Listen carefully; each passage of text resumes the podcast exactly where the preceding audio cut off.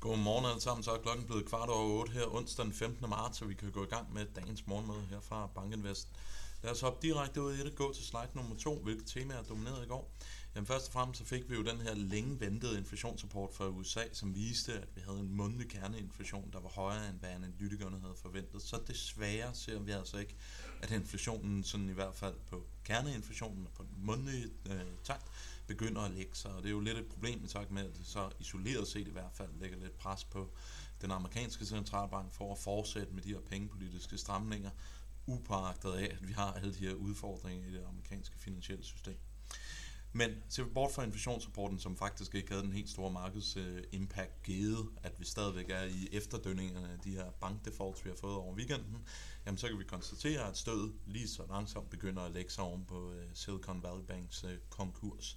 Vi så, at aktiemarkederne havde en rigtig, rigtig fin dag i går, til trods for, at vi så et opadgående pres på aktiemarkederne. Vi ser også, at ja, eksempelvis hvis vi tager den her First Republic Bank, at den er på utrolig lave niveauer, men altså i går så kom den i hvert fald lidt tilbage og havde en dag, hvor den endte 8% øh, oppe. Så vi begynder lige så langsomt at se stødet lægge sig, som sagt. Så kan vi jo glæde os ved, at øh, indtil videre er der altså ikke andre banker, der er gået ned endnu. Det er spændende. Jamen, det bliver jo, om vi kan klare den igennem weekenden. Går man øh, default som en bank, så plejer man jo at gøre det fredag efter markedslukningen, således at øh, myndighederne lige har en weekend til at prøve at finde ud af, hvem der skal købe resterne. Men indtil videre, så ser det altså ud som om, at der er lidt ro på, og det bliver forhåbentlig en mandag i næste uge, hvor vi ser ind i en weekend, uden at der er nogen banker, der er gået konkurs i USA. På den øh, geopolitiske front, jamen, så har russerne været aktive i takt med, at de har fået en amerikansk drone til at falde ned over Sortehavet. Der har været lidt polemik omkring det, og frygt for, hvad vi skal se af eskalering eller respons fra den amerikanske side. Indtil videre, så virker det i hvert fald til, at mange af investeringsbankerne er meget enige om, at amerikanerne ikke ønsker at eskalere den her situation yderligere. Så udover lidt øh, diplomatisk brokkeri over det her, jamen, så må man håbe, at den her situation egentlig bare kommer til at gå i glemmebogen. Endelig, renter, de bevæger sig altså op igen. Det er en fuldstændig vanvittig rentevolatilitet, vi er vidne til i øjeblikket. Og i går der så vi, at tyske 10-årige eksempelvis, de steg med Øh, var det 16-19 punkter, vi øh, røg op i går. Så efter vi faldt meget markant der om mandagen, jamen, så bevægede vi os lidt op igen. Ser vi på slide nummer 3, jamen, der viser en månedlig kerneinflation fra USA. De øh, blå bare, jamen det er den faktiske kerneinflation, og de turkisblå bolde, jamen det er analytikernes forventning. Som I kan se, jamen så har vi altså lige så langsomt siden oktober måned begyndt at bevæge os lidt op i kadence igen. Og vi så altså, at den her inflationsrapport, den oversteg forventningerne. Analytikerne, de havde forventet, at kerneinflationen, den skulle komme ud på 0,4. Vi fik 0,5. Isoleret set, så er det altså ikke øh, det mest positive tendens, som vi ser i inflationstallene i øjeblikket. Når det er sagt, så her på næste graf, slide nummer 4, at der kan vi så konstatere, at den øh, årlige headline-inflation, jamen den er altså på vej ned i øjeblikket.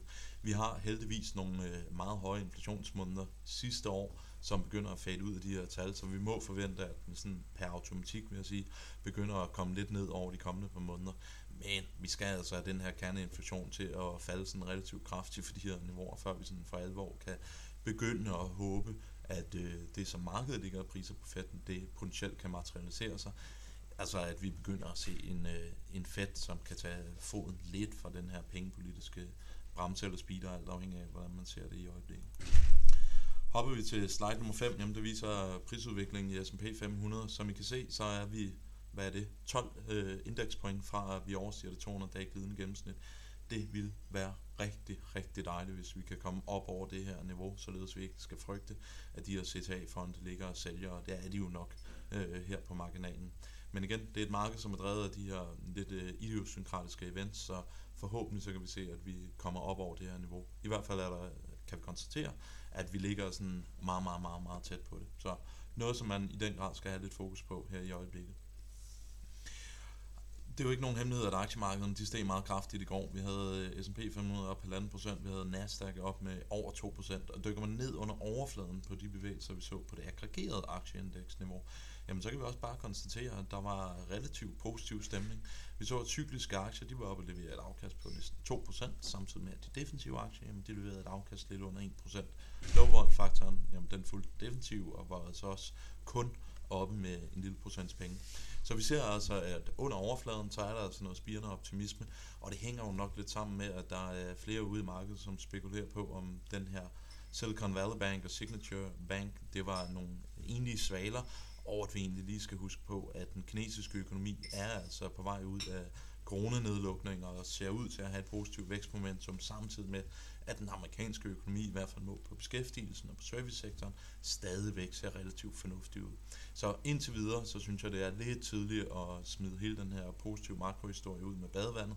Lad os nu lige vente og se, om vi kan komme igennem weekenden, uden der går noget helt øh, i stykker i det finansielle system, og om den her øh, oprevidering, vi har set af BNP-estimater for USA over de seneste par måneder, kan holde i. Men i hvert fald på marginalen, så var der altså en positiv reprisning, eller en positiv øh, udvikling, vi så under overfladen på det amerikanske aktiemarked. Her på slide nummer 7, der har jeg to grafer med, og det viser ja, udviklingen i cykliske og defensive aktier. Det er år til datoafkastene, som jeg har øverst til venstre, og der kan vi altså se, at cykliske aktier, nu skal jeg lige have skruet brillerne rigtigt på, det er op med 6,5%, samtidig med at de defensive aktier de ligger nede med, står der minus 6% der. Det er jo lidt svært at se den relative udvikling i, mellem de her to øh, ud af den graf, så figuren nederst til højre, jamen det viser bare differencen mellem det. Så det vi kan konstatere, det var, at den 8. marts, der havde de cykliske aktier altså outperformet de defensive aktier med 14,5 procentpoint. Så kommer Silicon Valley Bank, og vi ser så, at de giver noget af den her outperformance op, og vi falder ned til 11,2% outperformance for året som helhed, og så er vi altså i går bounce op til 12,4. Så hvad er det, jeg ønsker at sige med det? Jo, først og fremmest så er der jo ingen tvivl om, at vi så en defensiv rotation op over fredag og torsdag, eller fredag og mandag. Det er nok ikke så overraskende, når vi ser den anden og tredje største bankdefault i USA, når det materialiserer sig. Men med det værende sagt, så er det altså en relativt begrænset øh, bevægelse, som vi har set under overfladen. Så indtil videre, så tolker jeg det i hvert fald som, at aktiemarkederne as of now stadigvæk ikke er sådan helt vildt bekymret for den amerikanske økonomiske udvikling, eller makroøkonomiske udvikling. Så der er lidt håb at finde på den parameter. Hopper vi til slide nummer 8, der kan vi se, at den amerikanske rentekurve, den begynder at stejle. Øh, der er flere og flere analytikere, der er ude og sige, ja, ja, inviteret rentekurve, det er en rigtig god øh, indikator for en recession, men der, hvor det virkelig bliver presserende, det er, når rentekurven den begynder at stejle igen fra de inviterede niveauer. Det er så det, vi ser i øjeblikket. Og det er jo øh, som oftest, når man ser de her stejlinger af rentekurven før en recession, jamen så er det jo, når markedet reagerer, som det gør i øjeblikket, ved at presse de korte renter ned i forventning om, at den amerikanske centralbank eller den europæiske for den sags skyld, går i gang med at lempe pengepolitikken.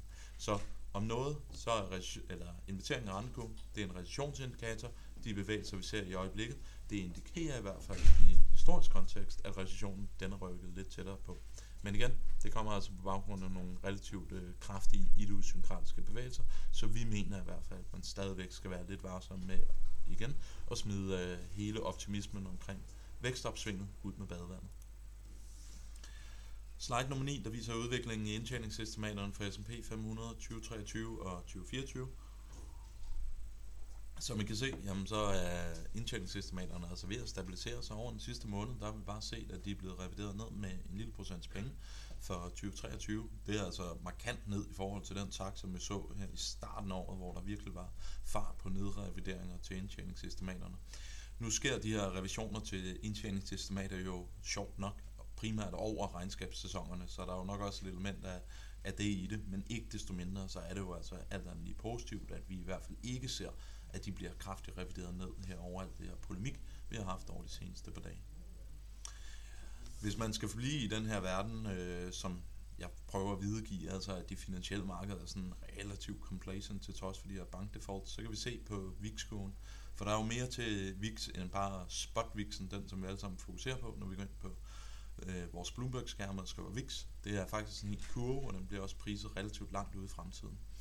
Og den blå linje, jamen det er, hvordan den her kurve ser ud nu, og den grønne linje, eller turkisblå linje, det er, hvordan den så ud for to måneder siden.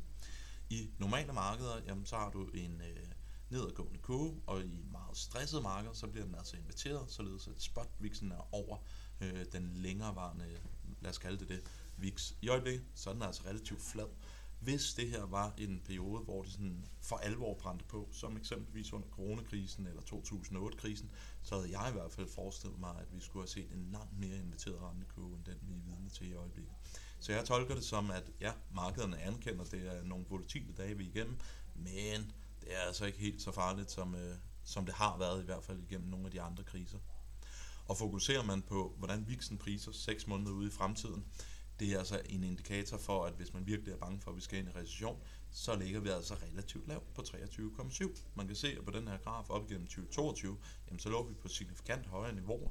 Så det er altså en illustration på, at igen, der er kortsigtet volatilitet, men det langsigtede vækstbillede, der er markederne, i hvert fald optionsmarkedet, stadigvæk sådan relativt komfortabel. Når det er sagt, jamen, så er der en del af det finansielle marked, hvor volatiliteten er tårnhøj, og det er rentevolatiliteten. Her tager vi MOVE-indekset. I kan tænke på det som VIX-indekset bare for øh, amerikanske stater. Det ligger på 170 basispunkter. Det er altså over det niveau, som vi så op igennem coronakrisen. Vi er ikke helt op på 2008-niveauer. Det vil også være voldsomt, hvis vi kom derop. Men det er altså i en historisk kontekst en meget, meget, meget høj rentevolatilitet, som vi er vidne til i øjeblikket. Hvis den begynder at falde, det har svært ved at forblive på de her niveauer i hvert fald i længere tid, jamen så må det isoleret set være noget, der vil være, i hvert fald i vores øjne, positivt for risikovilligheden generelt ude i markedet.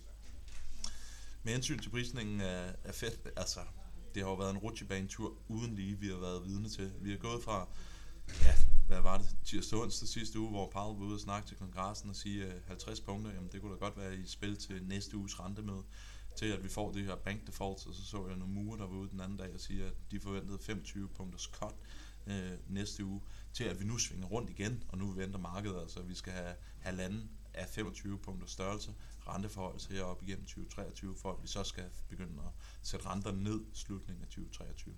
Så en illustration på, at øh, ikke bare analytikerne og strategerne, markedsdeltagerne, dem der ligger og handler de her instrumenter, de er godt nok også i tvivl om, øh, hvorledes fedt de skal agere, når du har så meget øh, usikkerhed omkring det finansielle system, samtidig med, at du stadigvæk har et elevateret øh, inflationspres i den amerikanske økonomi. Jeg vil gerne prøve at give nogle, øh, her på slide nummer 14, nogle af de tanker, som vi gør omkring markederne i øjeblikket. Først og fremmest, den globale væksthistorie, den er altså stadigvæk på plads. Lad os nu lige komme igennem den her uge og se, om vi kan undgå, at der er flere banker, der går defaults. Hvis der ikke gør det, så tror jeg altså, at fokus igen kommer tilbage på, at gaspriser i Europa, det er altså virkelig på vej ned. At Kina ligger og genåbner over, at du har en amerikansk servicesektor, som ser rigtig, rigtig stærkt ud. Jeg tror altså også, at man lige skal huske på, at vi må frygte fedt alt, alt andet lige lidt mindre, end hvad vi gjorde sidste uge. Der er altså forskel på, at det skal hedde 50 punkters renteforhøjelser her i marts måned, og så yderligere renteforhøjelser der, til at Fed nu har set, okay, vi har strammet pengepolitikken så meget, at ting begynder at gå i stykker. Lad os lige prøve at, at tage en slapper og se, hvordan de her pengepolitiske stramninger, vi har lavet op igennem 2022, hvordan det spiller ud. Det tror jeg i hvert fald er et sted lidt i sandsynlighed. Jeg tror også, det vil være rigtig godt for risikovilligheden. Det er nok ikke så kontroversielt statement, hvis vi kan undgå at få nogle defaults over de kommende par uger. Det ville være rart, hvis vi lige kan få lidt ro på det, og så i hvert fald tror jeg ret hurtigt, at narrativen vil gå over til, at Silicon Valley Bank og Signature Bank, jamen det var altså nogle, øh, hvad hedder sådan noget, øh, enlige svaler, øh, som vi ser i øjeblikket. Inflationspresset, det er her altså stadigvæk, men jeg synes, det var meget interessant, at vi kan se en øh, kerneinflation, som overrasker på opsiden, og aktiemarkederne stadigvæk stiger. For mig i hvert fald, så indikerer det, at igen, markederne kan i alt højere grad begynde at se igennem inflationen, fordi at man er bevidst om, at Fed altså også skæler til financial conditions og stabiliteten i det amerikanske øh, system. Så hvad gør vi her i Optima? Jamen, vi er faktisk meget rolige. Vi har ikke rigtig gjort det sådan helt store med vores aktieallokering. Vi ligger stadigvæk med de her expansion-aktier. Vi har stadigvæk en overvægt til aktier. Så det, det rører vi egentlig ikke rigtig så meget ved. Som jeg har highlightet mange gange før, jamen, så har vi sådan en relativt lav tracking error i øjeblikket, hvor at, om end vi er overvægtet aktier, jamen, så har vi altså undervægtet nogle lidt mere strategiske, cykliske komponenter, som eksempelvis har yield. Med det værende sagt, jamen, så har vi faktisk lavet en ændring, og det er, at vi har købt noget vejhed. Og det gør vi altså i øh, anerkendelse af, at det her Fed hawkishness scenarie, det er på vej ned i sandsynlighed, og det der så er på vej op, jamen det er, at øh, yderligere ting i det finansielle system i USA, det begynder at gå konkurs. Så for os, øh, eller set fra vores side af bordet, jamen så synes jeg altså, at det bliver alt mere fornuftigt, at man kører sådan lidt mere en barbell-strategi, hvor du har en overvægt til aktier, og så har du også noget på den anden side, nogle, noget varighed, som ligesom kan redde dig, hvis øh, det hele begynder at, at krakelere, og man kommer til at se nogle markeder, som dem vi så i mandags. Det er altså en forskel fra den portefølje, vi havde for bare en uge siden, hvor vi var undervægtet varighed ifølge, i forventning om, at det var en hawkish reprisning, der var en helt stor default. Så jeg vil sige, at det her med varigheden, kombineret med aktieovervægten, det er den eneste store ændring, vi har lavet i porteføljen. Men generelt set, så forsøger vi altså at være sådan relativt rolige, og mener ikke, at i så volatilt marked, som vi er inde i i øjeblikket, at det er der, hvor man skal lave de sådan helt store ændringer med ens portefølje. Slide nummer 15, markederne for morgenstunden. Vi får retail sales i USA, det bliver jo interessant at se, om forbrugeren han ligesom kan opretholde det her positive momentum, han har haft over de seneste par måneder. Så får vi den første af de regionale PMI's fra USA, det er Empire Fed, det er altså New York-området. Så har vi fået noget kinesisk makrodata her fra morgenstunden. Det ser sådan over en bred kamp relativt fornuftigt ud og bekræfter altså det her opsving, vi ser i den kinesiske økonomi. Som altid, jamen ikke som altid, men som altid i de her markeder, så tror jeg, man skal have rigtig stor fokus på de tekniske niveauer. Igen, det ville være dejligt, hvis vi kunne genvinde det 200 dage glidende gennemsnit på S&P 500. Endelig, S&P, det er i morgen. Markederne ligger vist øh, stadigvæk og forventer 50 punkters renteforhold, så lad os se, hvordan øh, det kommer til at spille ud. Men jeg tror altså ikke, det kommer til at få helt den samme betydning, som man frygtede for bare en uge siden. Med disse ord, så ønsker jeg alle sammen en rigtig god dag, og held og lykke på de finansielle markeder. Hej!